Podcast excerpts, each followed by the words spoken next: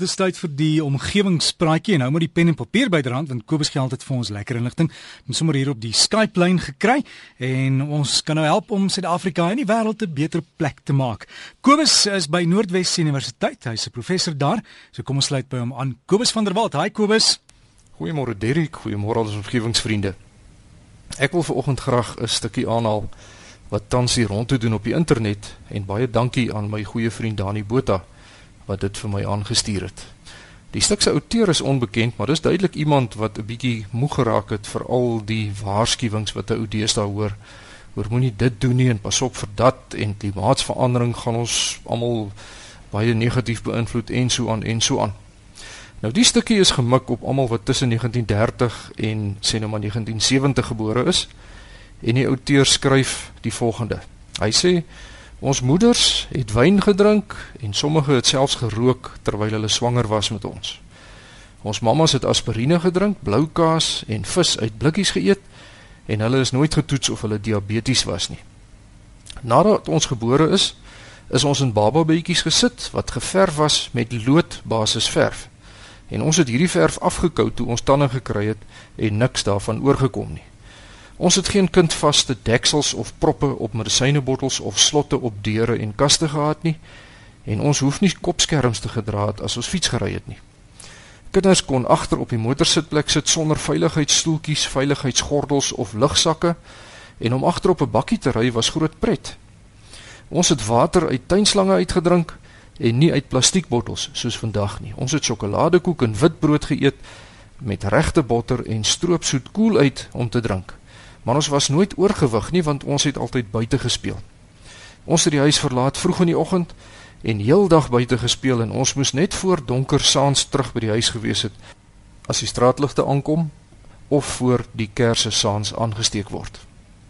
Niemand kon ons kontak deur die dag nie want daar was nie selfone nie.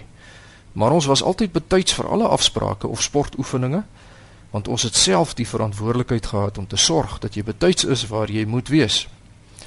Ons het ure spandeer om kaskarre te bou uit afvalhout en yster en ons het dan teen die steilste bulte afgejaag net om halfpad onder toe te besef ons het skoon vergeet van die remme.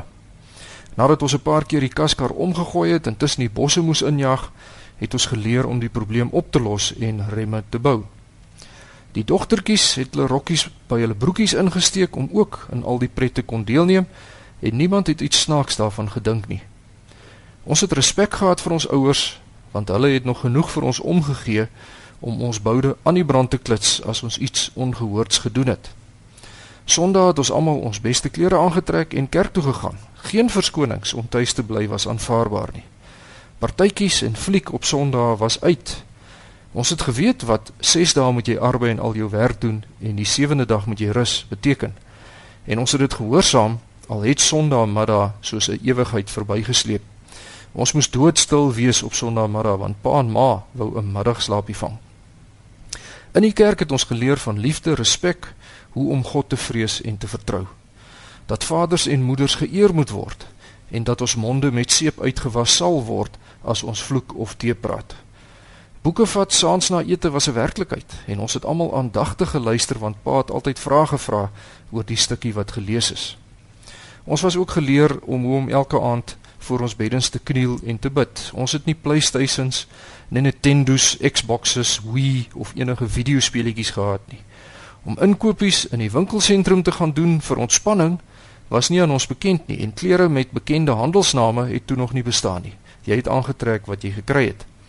Sakgeld was iets waarvan net die ryk kinders geweet het En ons het ook nie 150 TV-kanale, DVD's, selfone, persoonlike rekenaars met die internet, Facebook of chatrooms gehad nie. Maar ons het altyd ware vriende gehad. En as ons gewonder het waar is hulle, dan kon ons maar net buite toe gegaan het want ons het almal buite gespeel. Ons het uit bome uitgeval. Ons het onsself gesny op glasstukke.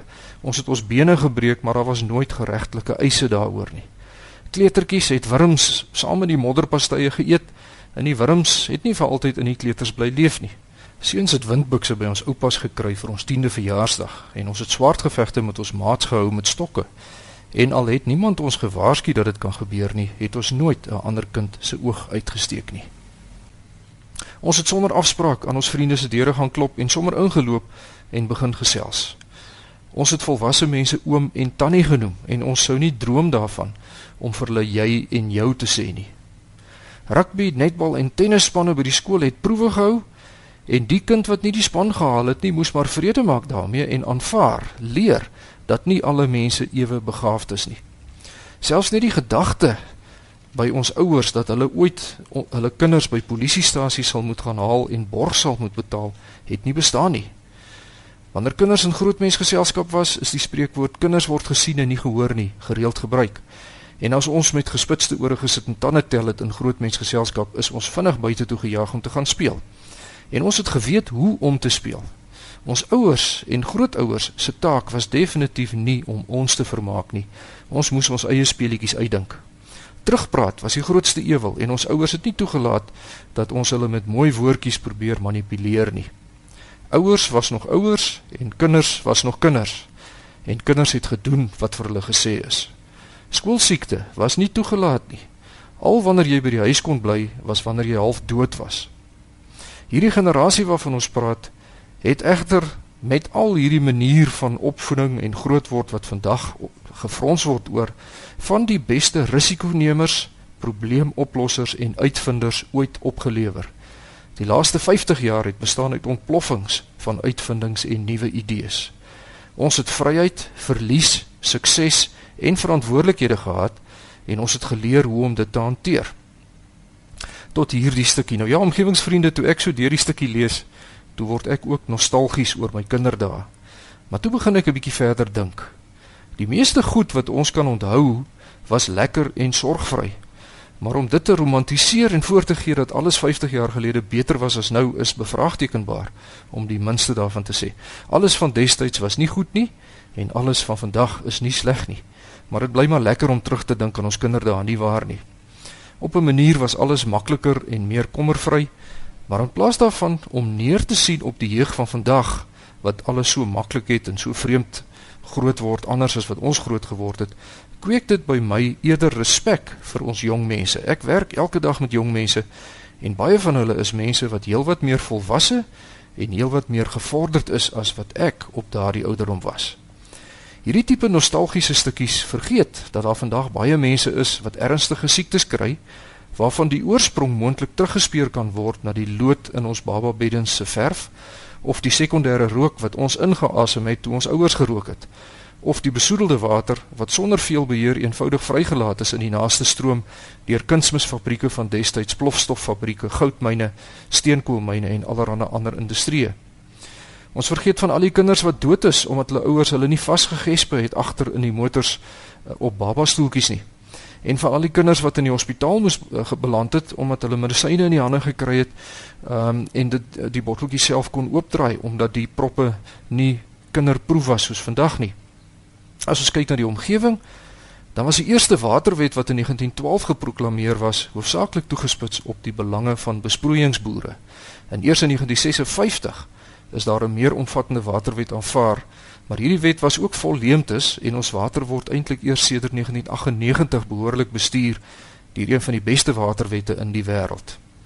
Natuurlik is daar diensleweringsprobleme, maar as ons ag neem dat die aantal mense in Suid-Afrika sedert 1912 10voudig toegeneem het, vanaf 5,2 miljoen in 1912 na 52 miljoen mense vandag, dan begin mense die hedendaagse uitdagings miskien bietjie beter verstaan.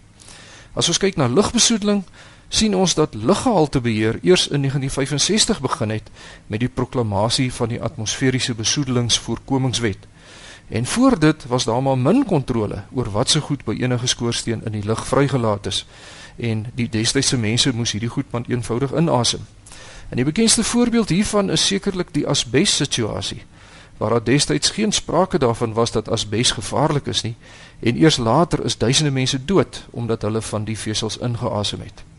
Ons kan dieselfde sê met betrekking tot die omgewingsinvloedproses wat vandag vir nuwe aanlegte en ontwikkelings vereis word, waar elke mens in Suid-Afrika deesdae 'n sê het oor die ontwikkelinge wat hom of haar raak.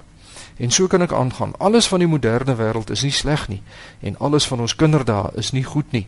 Al is dit lekker om terug te dink daaraan. Natuurlik is dit nie 'n eenvoudige saak nie en mens kan nie die talle probleme wat op politieke, ekonomiese en sosiale terrein in ons land vandag voorkom bloot ignoreer nie. Maar ek en al die pragtige jong mense met wie ek daagliks te doen kry, lewe definitief nie op moedverloor se vlakte nie. En daarmee wil ek al ons omgewingsvriende vanoggend so 'n bietjie moed inpraat. Daar is wel dinge waaroor die wetenskap bekommerd is, soos byvoorbeeld klimaatsverandering en daar is vreemde dinge aan die gebeur in die samelewing en op politieke terrein en die ekonomie druk maar partykeer. Maar daar is elke dag ook goeie nuus oor nuwe ontwikkelinge.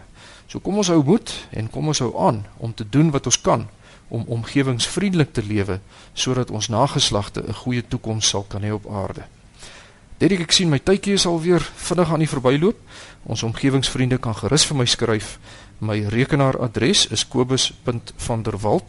kobus.vanderwalt@nwu.ac.za of ek is by die fakulteit Natuurwetenskap, Noordwes Universiteit, Potchefstroom 2520. Vriendelike groete tot 'n volgende keer. Dankie vir jou Kobus. Kobus daar ons omgewingspraatjie wat hy aangebied het. Hy's in Noordwes Universiteit betrokke daar en sy e-posadres onthou dis kobus met 'n k. Kobus dan 'n punt van der Walt wat jy mekaar skryf by nwu.ac.za. So ek gee hom weer vir jou. Kobus. Van der Walt by nwu.ac.za